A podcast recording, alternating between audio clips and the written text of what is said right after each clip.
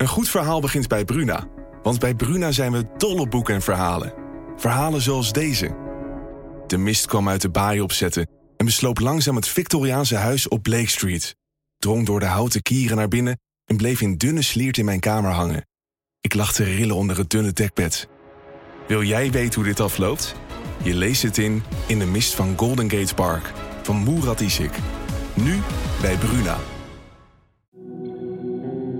In deze aflevering vertellen we je het verhaal van fysiotherapeute Denise Haskins. Een zeer geruchtmakende Amerikaanse zaak over een vrouw die thuis werd overvallen en ontvoerd.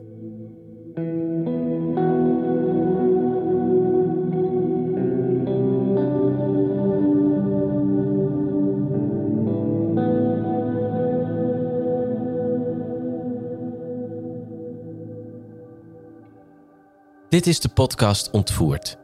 Ik ben Kevin van den Berg en hier tegenover mij zit in de studio Maya Noordam. Zoals iedere week duiken wij samen in een ontvoeringszaak die wereldwijd voor opschudding heeft gezorgd. Op Instagram en Facebook geef je een beeld bij de ontvoeringszaken die we bespreken. Op Instagram doe je dat via ontvoerd, de podcast. Wil je ook na deze aflevering nog lekker luisteren naar spannende of mooie verhalen tijdens het sporten, koken, schoonmaken, wandelen, werken of autorijden? Op Storytel vind je talloze luisterboeken en e-books. Kies een true crime zaak of verlies je bijvoorbeeld in Ik beloof je dat ik 100 word, het geheime logboek van Peter R. de Vries. En goed nieuws! Normaal gesproken krijg je van Storytel al twee weken gratis, maar als luisteraar van Ontvoerd ontvang je 30 dagen gratis. Ga hiervoor naar story.tel/slash ontvoerd. Onze waargebeurde ontvoeringsverhalen bevatten schokkende details over geweld, seksueel misbruik claustrofobie en of mishandeling. Ben je jonger dan 18 jaar of gevoelig voor deze details? Dan adviseren we je om niet naar onze podcast te luisteren. Dit is Ontvoerd, aflevering 44, Blinde Vlek. Het is 2015 en we zijn op Mare Island, een schiereiland in de plaats Vallejo, net ten noorden van San Francisco in Amerika. Hier woont de 30-jarige fysiotherapeut Aaron Quinn in een mooi huis in een leuke buurt. Zijn vriendin Denise Huskins is 29 jaar oud en de twee daten nu zo'n acht maanden. Ook zij is fysiotherapeut en Aaron en Denise hebben elkaar leren kennen tijdens hun werk in het ziekenhuis. Vlak voor de relatie met Denise was Aaron verloofd met Andrea, een andere collega uit het ziekenhuis. Hij kwam er echter achter dat ze hem bedroog, dus hij had de verloving verbroken en begon kort daarna met Denise te daten. Het stel is dolgelukkig samen.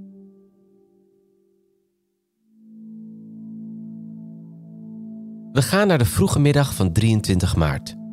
Iets voor twee uur belt Aaron het noodnummer en hij wordt doorgeschakeld met de politie van Vallejo. Hij vertelt dat hij de afgelopen nacht een nachtmerrie heeft meegemaakt.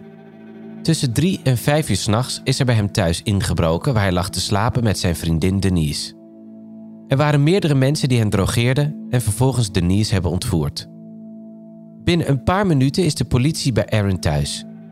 Het lijkt erop dat hij drugs in zijn systeem heeft, want ze treffen hem behoorlijk gedesoriënteerd aan. Desondanks neemt Aaron de agenten mee zijn huis binnen om te vertellen en te laten zien wat er nu precies is gebeurd die nacht. Als eerste leidt Aaron de agenten naar de keuken. Op de grond, daar waar de gang naar de andere kamers begint, zien ze rode tape. Aaron vertelt de politie dat de ontvoerders van Denise hem hadden verboden om over die rode lijn te stappen, want anders zouden ze hem iets aandoen. Ook zien agenten een kleine beveiligingscamera op het plafond in de woonkamer geplakt. Aaron legt uit dat de ontvoerders die hebben neergezet om hem in de gaten te houden terwijl zij al weg waren. Op tafel liggen tie wraps en zwembrillen waarvan de glazen zwart zijn gemaakt met tape. Volgens Aaron was hij vastgebonden met die tie wraps en hadden de daders hem zo'n zwembril opgezet zodat hij niets meer kon zien. Na zijn uitleg wordt Aaron meegenomen naar het bureau om een officiële verklaring af te leggen over wat er met hem en Denise is gebeurd de vorige nacht. En, niet onbelangrijk, om antwoord te geven op de vraag: waar is Denise? Zij is inmiddels al tien uur verdwenen.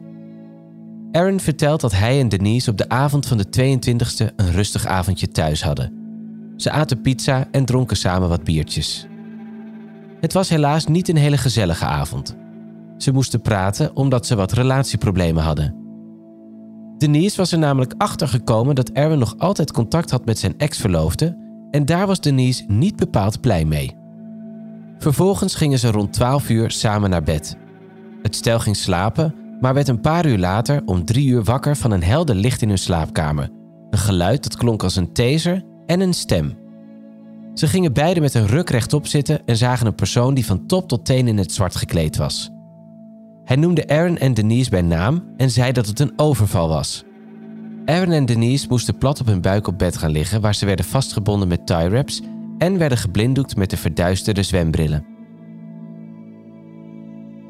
Aaron kreeg een koptelefoon op en hij hoorde hierop kalmerende windgongmuziek. Daarna werd er een vooraf opgenomen bericht afgespeeld. Hierin werd hem verteld dat hij een onderzoek zou krijgen. Zijn bloeddruk werd opgemeten en hij kreeg een flesje medicatie. Een mix van het slaapmiddel diazepam en de hoestdrank NyQuil. Als hij en Denise dit niet zouden drinken, dan zou het wel geïnjecteerd worden bij ze. Beiden dronken het drankje op. Denise werd vervolgens door een man naar een andere kamer gebracht en Aaron werd even later op de bank gelegd. Toen installeerde de man een camera en zei dat als ze Aaron niet meer konden zien op de beelden, dus als hij buiten het gebied kwam dat was afgezet met rode tape, ze Denise iets aan zouden doen. Denise werd weggenomen in zijn auto en Aaron raakte buiten bewustzijn door de medicatie die begon te werken. Zes uur later werd Aaron pas weer wakker en hij realiseerde zich dat Denise was ontvoerd. Hij mocht niet buiten de tapelijn komen en werd gefilmd, dus hij kon niet ongemerkt de politie bellen. Toen zag hij op zijn telefoon een e-mail binnenkomen waarin de ontvoerders 15.000 dollar eisten. Aaron belde direct de bank, maar kreeg te horen dat hij slechts 3500 dollar kon opnemen. Hij stuurde dit in een reactie naar de ontvoerders, waarna het oorverdovend stil bleef. Na een tijdje besloot Aaron zijn broer te bellen, die voor de FBI werkt. Die adviseerde hem om het alarmnummer te bellen en Aaron realiseerde zich dat hij geen keuze had. Met alle risico's van dien belde hij 911.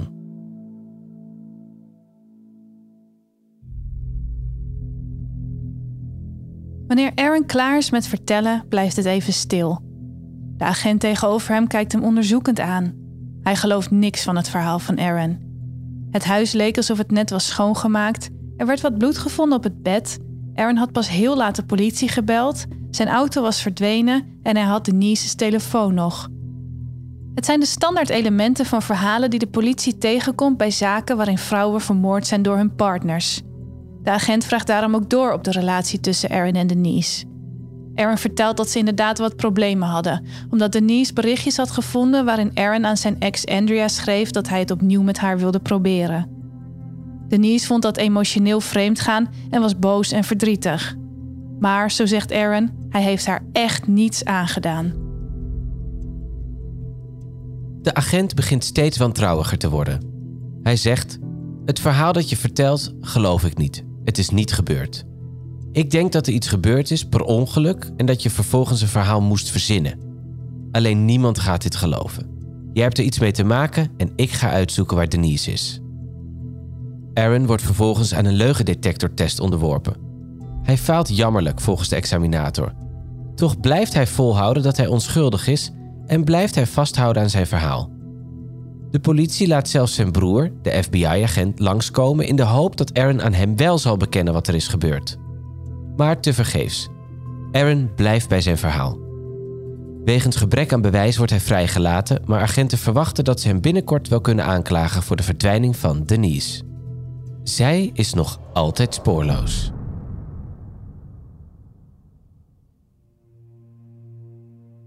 Dan gebeurt er iets opmerkelijks.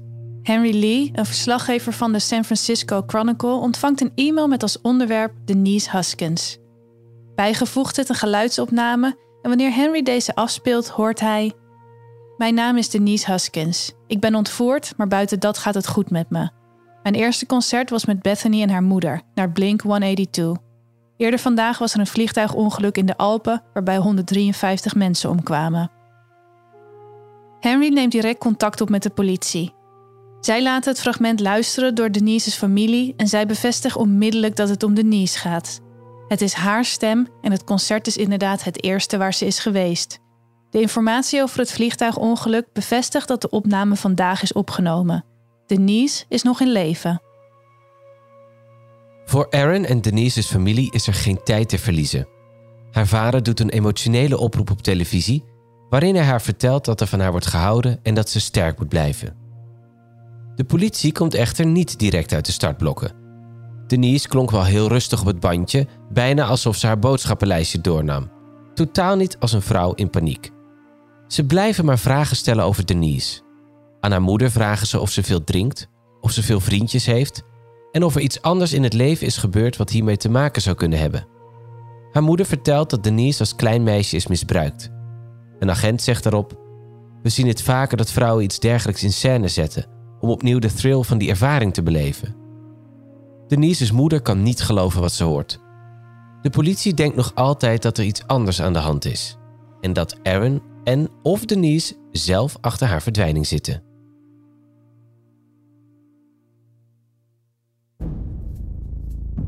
Wat niemand weet is dat Denise ondertussen wel degelijk opgesloten zit. Op de avond van haar ontvoering wordt Denise, nadat ook zij werd vastgebonden op het bed, muziek op haar oren kreeg en de medicatie moest innemen, in de kofferbak van Aaron's auto gelegd. Onderweg is Denise doodsbang.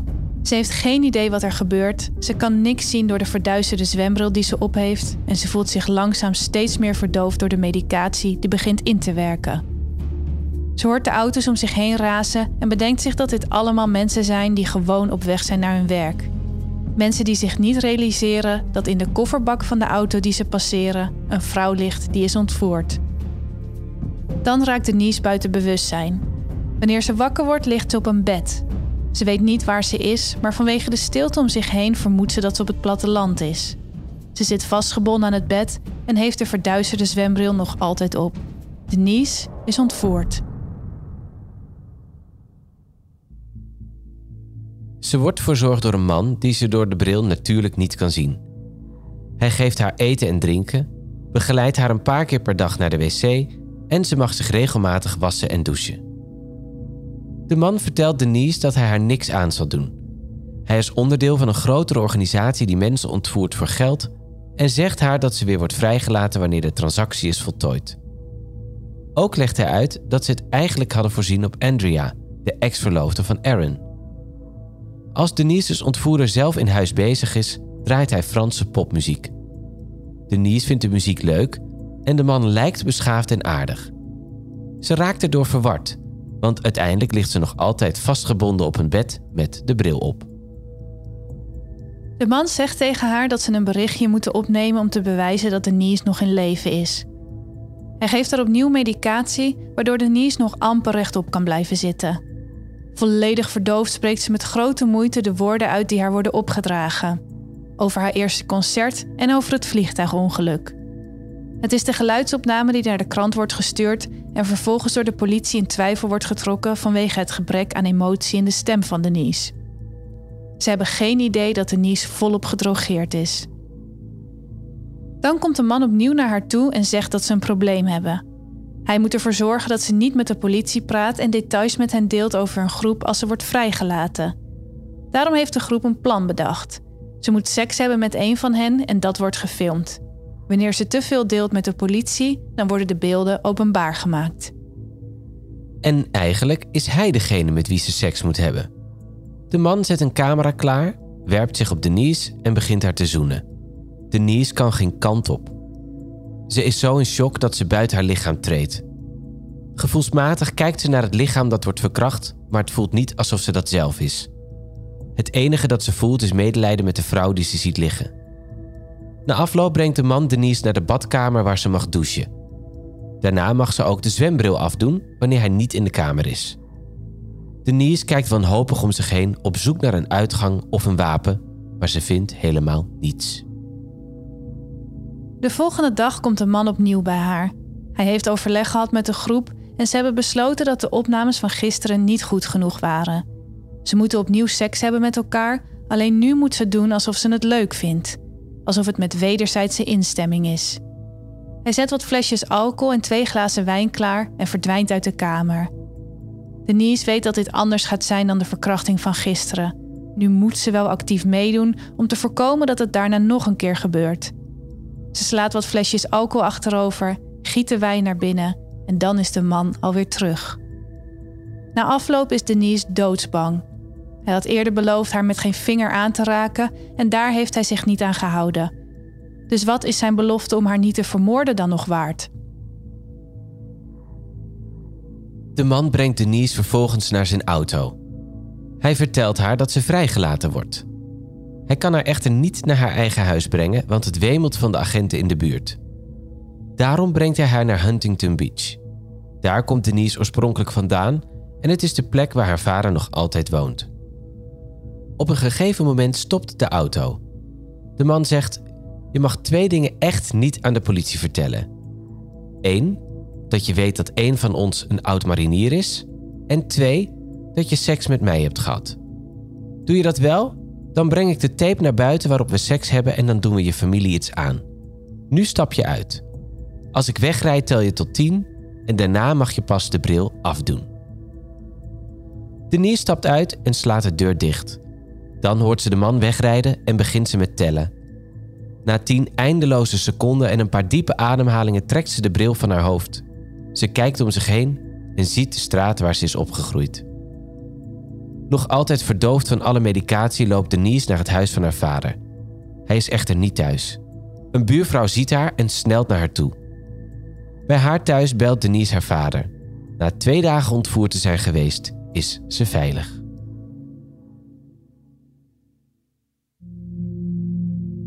Het is de ochtend van 25 maart, twee dagen na de verdwijning van Denise. De politie in Mare Island ontvangt een telefoontje van hun collega's in Huntington Beach op zo'n zes uur rijden. Denise Haskins is levend en wel afgezet door haar ontvoerders bij het huis van haar vader. De politie is nog altijd zeer sceptisch als ze met Denise in gesprek gaan. Zij blijven vermoeden dat de vermissing in scène is gezet en dat Denise daar een grote rol in speelt. Een jaar eerder is de film Gone Girl uitgekomen. Een verhaal waarin een jaloerse vriendin haar eigen verdwijning in scène zet om ervoor te zorgen dat haar partner veroordeeld wordt voor moord. Uiteindelijk kwam ook zij gewoon weer terug. Heeft Denise zich laten inspireren door het verhaal, gevoed door haar jaloezie vanwege de berichtjes die Aaron nog aan zijn ex stuurde? Tijdens Denise haar verklaring zit ze in een lastig pakket. Ze weet dat als ze vertelt over wat er is gebeurd, ze haar familie in gevaar brengt. Wanneer de agent vraagt of ze is verkracht, zegt ze dan ook nee. Hij vraagt haar: Denk je dat dit opnieuw kan gebeuren? Waarop Denise zegt: Ja, als ik te veel praat. Dan zegt de agent dat hij haar een deal mag aanbieden, een soort immuniteit. Denise is enorm in de war en heeft geen idee waarover dit gaat. Ze is net bevrijd van een afschuwelijke ervaring, maar wordt ze nu behandeld als dader? Ze realiseert zich dat ze advies nodig heeft en neemt contact op met een advocaat. Die adviseert haar om geen woord meer te zeggen. Ze heeft al een verklaring afgegeven en alles wat ze nu zegt, wat ook maar een klein beetje hiervan afwijkt, zal de politie aangrijpen als bewijs dat ze liegt. Denise besluit naar hem te luisteren en praat met niemand meer. Ze trekt een zwarte hoodie aan en doet de capuchon over haar hoofd terwijl ze in de auto stapt richting het vliegveld op weg naar Vallejo. Er is inmiddels sprake van een mediacircus waarbij iedereen bericht dat Denise niet meer wil praten en een advocaat in de arm heeft genomen.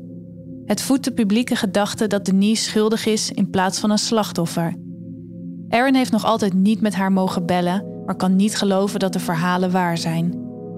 Ook de politie brengt dan al snel een verklaring naar buiten.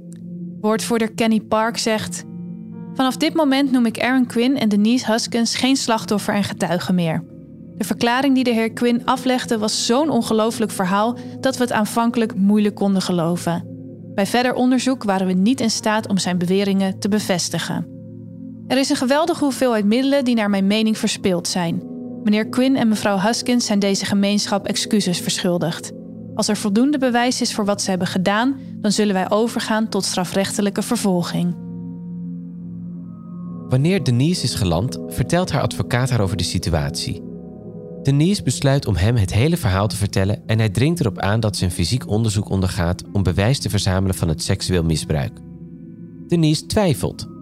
Ze is bang dat haar hele familie iets wordt aangedaan als ze vertelt over het misbruik. Maar haar advocaat zegt dat ze haar ontvoerders niet die macht moet geven, want dat is hoe ze werken. Denise gaat akkoord. Maar dan weigert de politie om haar een onderzoek te geven, tenzij ze opnieuw een verklaring aflegt. Dus Denise gaat naar het bureau om haar volledige verhaal te doen. Ze vertelt alles wat ze nog weet, ook over het seksueel misbruik en de informatie die ze heeft over de ontvoerders. Zo vertelt ze dat ze vanwege het geluid van de motor vermoedt dat ze is ontvoerd in een Mustang. Terwijl ze naar huis gebracht werd, kon ze zelfs langs een randje van de zwembril zien dat het gaat om een witte auto. Maar ook nu wordt ze niet geloofd. Ze blijven haar maar kritische vragen stellen en lijken vast te zitten in hun tunnelvisie.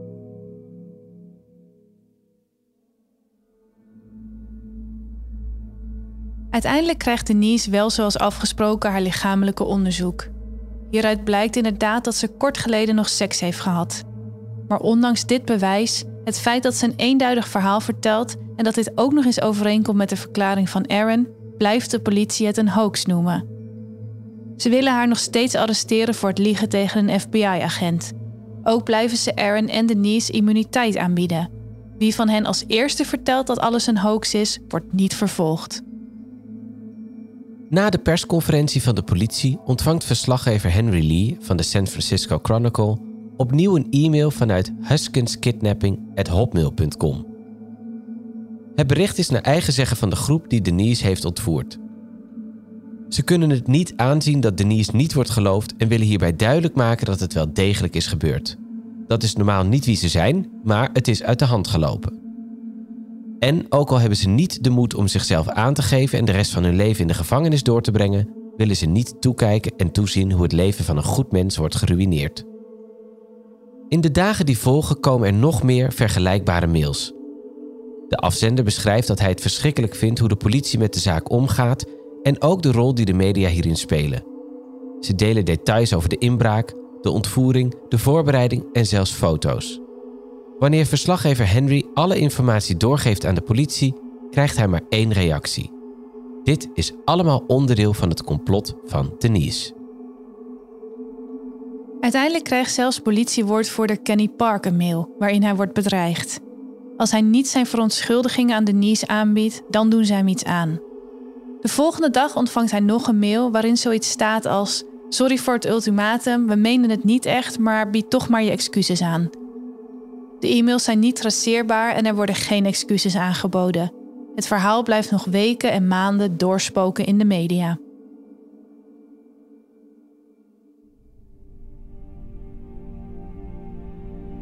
Er is echter één rechercheur die niet zo zeker weet dat het een hoax is. Op 5 juni 2015, dus drie maanden later, vindt er namelijk een inbraak plaats in Dublin, Californië. De 60-jarige Chung Yen en zijn vrouw, de 52-jarige Lin, worden rond drie uur s'nachts wakker gemaakt door iemand met een felle zaklamp in hun slaapkamer. De man richt een taser op de twee en zegt dat ze op hun buik moeten gaan liggen, terwijl de indringer hun handen probeert vast te binden met tie wraps. Chung vecht echter terug en raakt in een worsteling met de aanvaller. Lin rent daarop naar de telefoon en belt het alarmnummer. Even later vlucht de indringer het huis uit en sprint weg. Maar onderweg verliest hij zijn mobiele telefoon.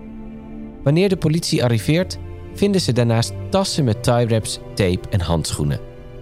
De aanval lijkt heel erg op het verhaal van Aaron en Denise. Rechercheur Misty Karasu besluit dan ook om de zaak verder te onderzoeken en begint bij het traceren van de mobiele telefoon die de aanvaller liet vallen.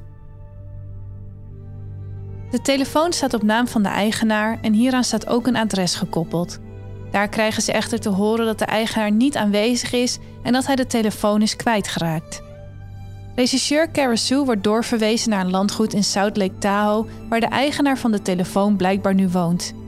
De deur wordt ingetrapt en het arrestatieteam vindt een enorme puinhoop binnen. Tussen andere spullen vinden ze een zwart skimasker, duct tape, handschoenen, tie wraps, een touw en een zwembril waarvan de glazen zwart zijn gemaakt. Veel kan in verband worden gebracht met de inbraak bij Chung Yen en zijn vrouw Lin. En dan vinden ze ook nog eens een witte Mustang op het terrein, die geregistreerd staat als gestolen. Dezelfde auto als waarover Denise een verklaring heeft afgelegd. In het navigatiesysteem zien ze daarbij nog dat de auto eerder in Huntington Beach is geweest, de plek waar de ontvoerder van Denise haar had achtergelaten. Was haar verhaal dan toch waar? Ook treffen ze in het huis een man aan. Het gaat om Matthew Muller. Hij groeide op in Sacramento als zoon van een leraar en conciërge. De familie Muller ging vaak wandelen, duiken en vissen en Muller groeide op in een normale veilige omgeving. Muller werd als kind op school gepest vanwege zijn gewicht. Hij hield niet van sporten en las veel liever boeken of luisterde naar muziek. Later ging hij bij de mariniers en raakte hij geobsedeerd door fitness. Hij speelde in de Korps Mariniersband, was een goede soldaat, ontving veel medailles en kreeg uiteindelijk eervol ontslag als sergeant. In 2001 reisde hij naar Praag voor een academisch programma, werd verliefd en trouwde niet veel later. In 2003 verhuisde het echtpaar naar Boston, waar Muller rechten studeerde aan Harvard Law. Na zijn afstuderen gaf hij daar les en was hij een zeer geliefd docent, gespecialiseerd in immigratierecht. In 2008 werd Muller gediagnosticeerd met een bipolaire stoornis. Hij kreeg hiervoor medicatie voorgeschreven, maar deze nam hij niet in omdat hij een hekel had aan de bijwerkingen. Hij probeerde zijn symptomen zoveel mogelijk te verbergen, maar hoe meer hij zich verstopte, hoe erger het werd. In 2009 verhuisden Muller en zijn vrouw van Boston naar San Francisco, waar hij ging werken bij een groot advocatenkantoor. Hij kreeg nieuwe medicatie voor zijn bipolaire stoornis, wat zorgde voor slapeloosheid en uiteindelijk zelfs een vorm van een psychose. Hij begon stemmen te horen. Muller werd paranoïde en geloofde dat de Chinese regering hem te pakken wilde krijgen. Op dat moment verliet zijn vrouw hem en werd hij ontslagen vanwege een incident met een cliënt van het advocatenkantoor. In datzelfde jaar vond de eerste zaak plaats waaraan Muller later werd gelinkt. Een vrouw lag te slapen in haar appartement vlakbij Stanford toen er werd ingebroken op dezelfde wijze als we kennen van de eerdere verhalen. Een man gekleed in het zwart kwam binnen en liet haar een hoestdrankje drinken. Hij dwong haar om bankgegevens te delen en verkrachtte haar. Een maand later gebeurde hetzelfde bij een andere vrouw. In de jaren die volgden waren er nog talloze vergelijkbare verhalen in Mare Island van een gluurder en een indringer. Het was de periode dat Muller met zijn vriendin naar Mare Island verhuisde. Ze woonde slechts een huizenblok weg van Aaron Quinn. Nu is niet alleen de werkwijze van Matthew Muller zeer vergelijkbaar met het verhaal van Aaron en Denise. Het blijkt ook nog eens dat hij bij hen om de hoek woonde.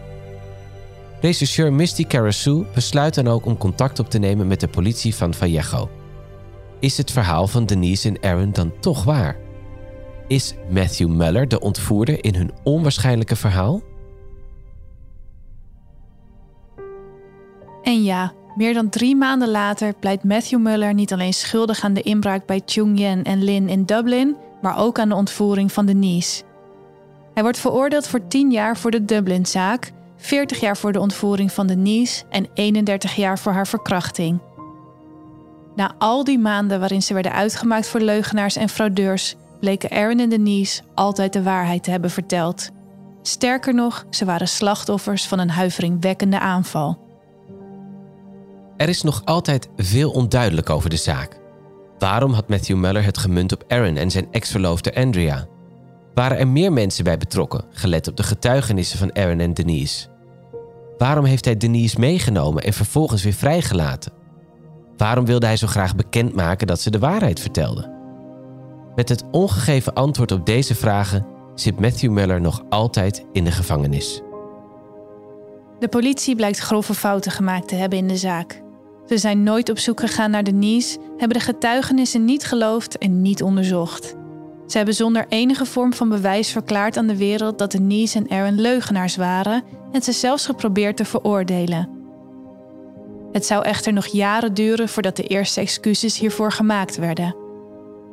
Aaron en Denise hebben later een rechtszaak aangespannen tegen de stad Vallejo die verantwoordelijk was voor het onderzoek en kregen een schadevergoeding van 2,5 miljoen dollar. Aaron en Denise bleven bij elkaar, trouwden en brachten een boek uit met de titel Victim F. Onlangs is er zelfs een documentaire op Netflix verschenen met de titel American Nightmare. Tot zover het verhaal over de ontvoering van Denise Huskins. Wil je een beeld krijgen bij Aaron, Denise en Matthew Muller? Volg ons dan op Facebook of Instagram via ontvoert de podcast. Maandag geven je daar beeldmateriaal bij deze ontvoering. Volgende week hoor je het verhaal van Ursula Herman.